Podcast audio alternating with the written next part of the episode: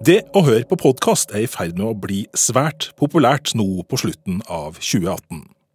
For sjøl om eh, det programmet du hører på nå, nemlig Kurier, var en av de første som publiserte på denne måten allerede i september 2005, har ikke denne formen for underholdning slått helt igjennom før nå.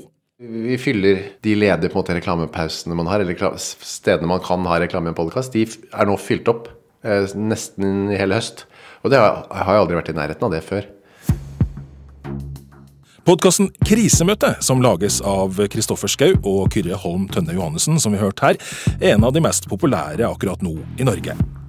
Og dem er en av flere som i løpet av dette programmet kommer til å fortelle deg at 2018 er i ferd med å bli det året der den kommersielle podkasten slo igjennom i Norge. Jeg heter Lars Erik Ertsgaard Ringen. Velkommen til mediemagasinet Kurer. Hvis det er altså andre også som har lyst til å være med og være våre venner på en sånn sponsormåte, mm. sponsorvenner, ja. som er noen av de beste vennene du kan få I hvert fall for vår del, for det betaler husleia. Ja, så er det mulig å gå inn som eh, bidragsytere. Mm. Ta kontakt med oss eller med Monster. Gjerne via Facebook-sida. Uh, vi må komme en liten eh, innrømmelse. Helt i begynnelsen så sa vi at uh, vi etterlyste på en måte sponsorer, eller gjorde det klart at uh, hvis det er noen som har lyst til å sponse oss, så uh, må de gjerne gjøre det. Og da var det første mannen som sponsa oss, var en som skulle arrangere en sånn uh, høytlesning av noe lyrikk nede i Kristiansand. Så han sendte 1000 kroner, altså cash, i en konvolutt og noe sånn te som han hadde laga sjøl av noen sånn utvekst på noen trær. Det var liksom de to tingene, da. Te og cash. Som jeg turte aldri røre den teen, selvfølgelig, ja, men de pengene delte jo broderlig, 500 på hver. Så det var den første, og det kom på sending nummer to eller tre eller noe sånt. Og så var det litt sånn, kanskje Første året var det kanskje to eller tre sånne cash i konvolutt.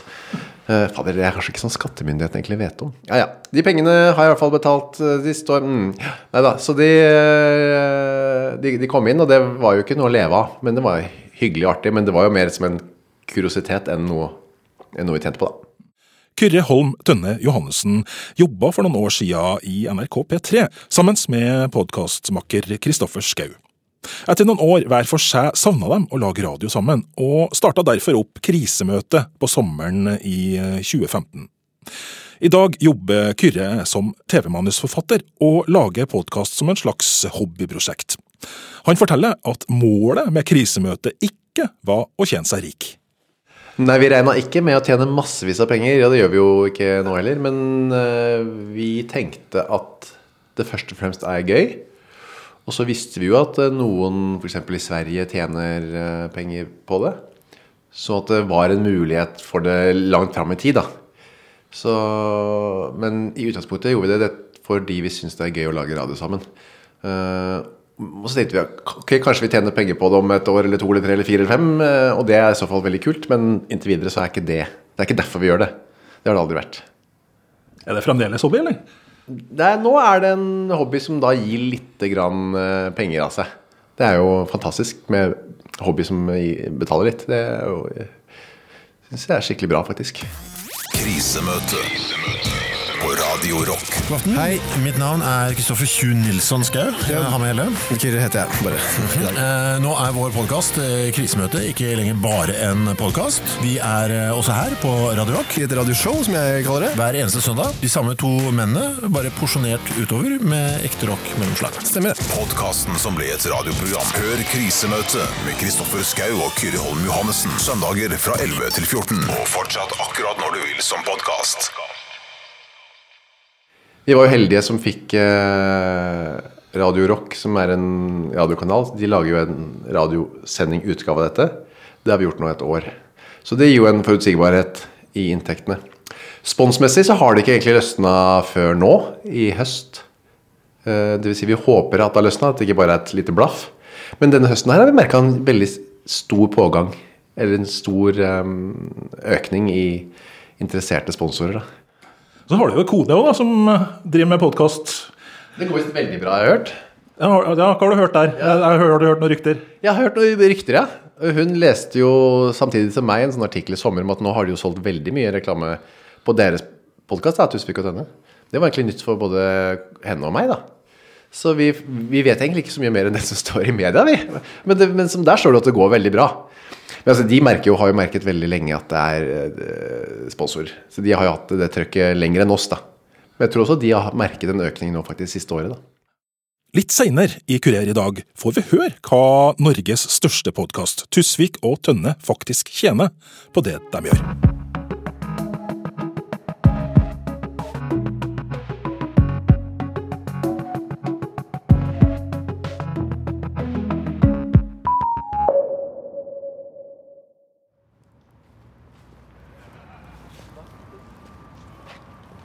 Men først skal vi spasere langs eh, Akerselva, fra produksjonsselskapet Monster, hvor Kyrre Holm Tønne Johannessen skriver TV-manus, og litt lenger opp langs elva til konkurrenten Rubicon, som bl.a. produserer podkasten Krisemøte. Katinka Rondan er sjef for radioavdelinga, som akkurat nå har åtte forskjellige podkaster i systemet. Hun forteller at eh, produksjonsselskapet tjener penger på å lage podkast nå. Ja, vi gjør det. Uh, vi, vi, har jo noen solide bein fordi vi uh, selger en del radio til både NRK og Bauer. Så det er liksom de viktigste beina våre. Men vi merket en uh, helt tydelig økning i sponsormidler og interesse for å finansiere podkast rett før sommeren. Og det har økt på altså med ganske sånn svær fart, da. Så nå har vi jo solgt ut, som vi kaller det. Altså at vi selger jo ut sponsorplakater eller annonseplakater på eh, et par av podkastene fram til jul allerede, da. Men du sa altså at det, det på mange måter har løsna nå de siste månedene. Mm. Hva er grunnen til det, tror du? Eh, det, jeg tror det er rein tid. Altså Det vi har ventet på hele tiden, er jo at det er mediebyråene som skal oppdage at um, er, her er det folk, og dette er verdt å satse på, i motsetning til andre ting de allerede bruker pengene på, da, som radio, TV, internett. Uh, og det har tatt litt tid, og nå har det gått opp for dem. Og så tror jeg vi rett og slett også kan takke en del influensere som har kommet inn i podkastverden. Uh, fordi det allerede i flere år i, har vært naturlig for uh, firmaer og mediebyråer å bruke penger på influensere. Så når de går inn i podkastmarkedet, så følger også pengene med dem, da. Eh, sånn at det eh, faktisk er sånn at jeg tenker at uh, Synnøve og Vanessa eller alle de som liksom er litt mer sånn aktive medieansikter uh, At det er en uh, grunn til at pengene også kom når de kom inn i podkasten, da. Rondan, som altså er produksjonssjef for radio og podkaster i produksjonsselskapet Rubicon, mener også at DAB-utbygginga i Norge har bremsa utviklinga av eh, podkastmarkedet. Det der hvor Norge også er spesielt, det er DAB.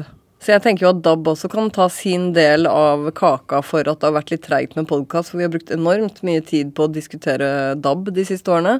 Eh, mens de i Sverige så gikk jo Sveriges Radio ut og lærte opp befolkningen i hvordan de skulle bruke podkast. Så har ikke det vært så viktig for Norge, fordi vi har vært mest opptatt av å få folk til å kjøpe DAB til bilen og sånn. Sånn så da fokus har ikke vært på podkast. Eh, og så tror jeg kanskje ikke det er helt tilfeldig at podkasten tar av litt samtidig som vi går helt fullt over i DAB, og alle spres litt for alle vinner samtidig. Eh, og, og Sverige har jo ikke helt den samme, samme kommersielle radioutviklingen som vi har i Norge. Men der er det gigantisk. Men uh, jeg vet jo altså, Men i de andre landene så ligger vi ikke helt av Ja. Jeg, med forbehold om at jeg ikke kjenner til liksom, alt i alle land, så, så jo, har jo Sverige vært litt Sverige og USA har vært litt i et eget uh, en egen liga, rett og slett. Från alle håll syns de svagt självlysande konturene av radiumsaltet i behållarna. Det grönglimrande skenet gör att de ser ut att sväva fritt i mörkret och paret står som förtrollade av skönheten i sitt avgörande vetenskapliga genombrott. Marie Curie har gett allt för den här upptäckten. Och nu är världen på väg att öppna sig för henne på allvar. Det här är berättelsen om Marie Curie. Strålande vetenskapsnille och banbrytande forskare. P3 Historia finns i Sveriges Radio Play och där poddar finns. Sveriges Radio har de siste årene brukt mye ressurser på å lage gode podkastprosjekt. Det er lokomotivet som har gitt Sverige en helt spesiell stilling ved sida av USA i podkastverdenen. Men nå mener Katinka Rondan at vi i Norge har tatt opp jakta på naboene våre i øst, nå som det ser ut til å bli lettere å finansiere podkastproduksjoner også her hjemme i Norge. Ja, er, liksom, I hovedsak som grovt uh, oppsett så er det to måter å gjøre det på. og Den ene er å si jeg skal uh, lage en podkast uh, om miljø. Er det noen med miljøinteresser som kunne tenke seg å, å finansiere den sammen med meg? Og så finansierer de på en måte hele Eh, sesongen eller hele podkasten. At man går sammen om et samarbeid. Det ser vi også med noen sånne firmaer som kommer og vil lage en egen podkast om et tema. da. Eh, eller den andre er å starte en podkast som eh, f.eks.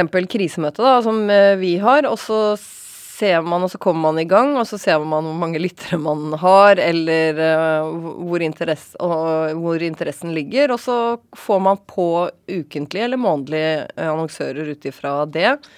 Eller de, eh, i noen tilfeller så kan man også gå inn allerede på forhånd, da. Morgenbladet er en av de bedriftene i Norge som er mest aktiv på å bruke podkaster til markedsføring. Kommersiell direktør Kristin Willoch Haugen forteller at de begynte med det allerede i 2015. Da gjorde vi sånn såkalt sponsing da, av uh, ulike podkaster. Vi var ganske tidlig ute med krisemøte. Eh, og så har vi også da etter hvert sponsa Tusvik og Tønne. Og så har vi gjort det egentlig litt sånn oftere og oftere og mer og mer. Og så gjorde vi en ganske stor greie nå i sommer på vår sommerkampanje, da som er vår tradisjonelt største kampanje for Morgenbladet. Eh, hvor vi eh, sponsa Tusvik og Tønne, og hadde, kjøpte da for første gang såkalt sånn programmatiske kjøp i eh, masse ulike norske podkaster. Med vår egen lille jingle, hvor eh, vår, vår eh, administrerende direktør og ansvarlig redaktør hadde spilt inn en liten hilsen fra Morgenbladet da, med den gode tilbudet. Så den ble da kjøpte vi vel ca. 700 000 lytt, faktisk, i sommer. Hei, Anna B. Jensen er redaktør i Morgenbladet. Vi har som mål å gi deg det beste fra forskningsverden, kulturen og idédebatten. På papir hver uke og på nett hver Men hvorfor valgte Morgenbladet å bruke penger på podkaster før det ble vanlig? Det var vel for å være litt uh, innovative. For å prøve noe nytt. Vi liker å prøve nye ting i Morgenbladet, være litt uh, eksperimentell så er det mange i Morgenbladet som liker godt det formatet podkast, og eh, tenkte at det, det, har vi lyst til å teste ut. Eh, samtidig så vet vi at leserne våre også liker eh, podkaster og hører mye på podkast, i tillegg til å lese masse aviser, da. Så vi tenkte at det er eh, en målgruppe som eh, er god for Morgenbladet. da, At vi treffer dem eh, og er på en måte inni hodet deres med en gang, når man har allerede oppmerksomheten til lytterne. Ukas annonsør er Morgenbladet! Mm. Det er jo en ukeavis eh, som skriver om politikk, kultur, idédebatt og forskning.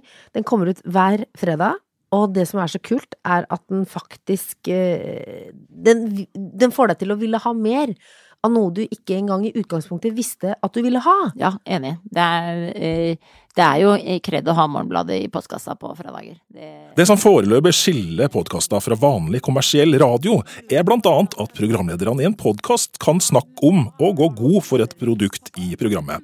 Sånn som vi hører Tusvik og Tønne gjør akkurat her. God morgen, og han sier 'beklager, Marte Seide, det, men jeg har runda Morgenbladet lenge for deg'. Ja. Men uh, han også liker jo, hvis Kebbelife for eksempel, som er den tegneserien uh, inne i Morgenbladet, har vært litt ekstra vittig, Det er jo mer en slags innholdsmarkedsføring, eller content marketing, hvor da de, f.eks. Tusvik og Tønne, snakker om Morgenbladet. Og da er det jo ekstra takknemlig fordi at uh, mottakeren liker jo Tusvik og Tønne. Og da kan de også tåle at uh, de snakker om sitt inntrykk av Morgenbladet. Hvor verdifull er denne markedsføringa? Har dere merka noe på det? Ja, vi, det er ikke så lett for oss uh, å måle det, det, det direkte. Fordi vi gir dem bare f.eks. en nettadresse som de skal si, og så går da lytteren inn og bestiller selv. Men uh, blir, vi blir nok sittende med et litt sånn generelt inntrykk at det funker. Vi har gode resultater på kampanjene våre, og det er vi ganske sikre på at det også skyldes reklamen i podkastene, da.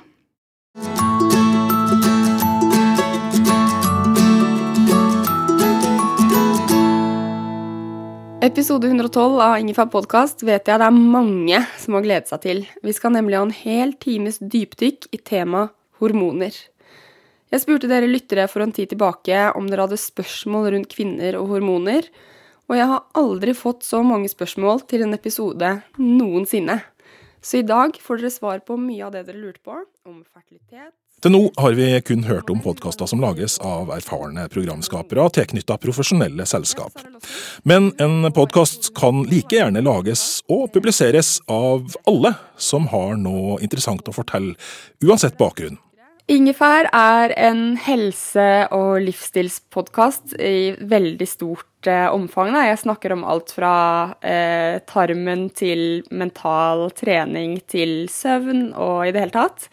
Eh, målgruppen er vel kvinner i 25-45 år, og det er et intervjupodkast hvor jeg ikke redigerer annet enn lyd. Så jeg gir ut en episode i uken, timeslangt, og i tillegg en shot på sånn fem minutter på torsdager. Eh, jeg vil at lytteren skal lære noe. Og i tillegg så er det veldig lite kroppsfokus, selv om det handler om helse. For jeg tenker at det er nok kropp i media i dag.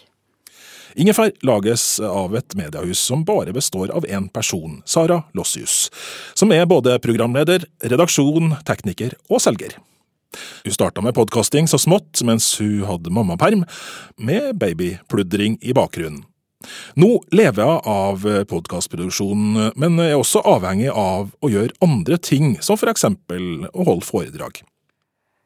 Man må ha flere inntektsbein å stå på, tror jeg. Altså Min businessmodell innebærer flere ting enn ingefær. Heldigvis. Eh, for det å bare være avhengig av f.eks. samarbeidspartnere, da er det veldig sårbar business. For folk lytter jo til ingefær gratis.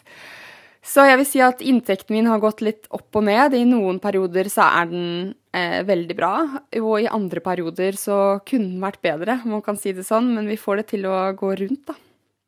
Men hvor mye penger tjener egentlig Sara Lossius på å lage Norges kanskje største livsstilspodkast, Ingefær? Jeg går ikke ut med tall, da. Men jeg tjener eh, hva skal vi si, oppadstigende. Mer og mer. Siden lyttertallene øker mer og mer, så blir jeg jo mer og mer attraktiv for annonsører og kan ta mer også per uke, da. I podkastmiljøet i Norge har det i mange år vært snakka om at eh, det snart skal løsne. Sånn har også Sara Lossius tenkt. 2016 skulle bli podkaståret, 2017, men det er jo egentlig i 2018 at ting begynner å løsne. Og jeg tenker at nå begynner en del markedsbudsjetter å snuse på hva man kan gjøre i 2019, da. Men jeg vil si at det er kommet mange flere pod poddere i Norge. Eh, det har blitt mye proffere. Jeg kunne ikke lansert en ny pod nå med babyskrik i bakgrunnen. Eh, det hadde ikke funka.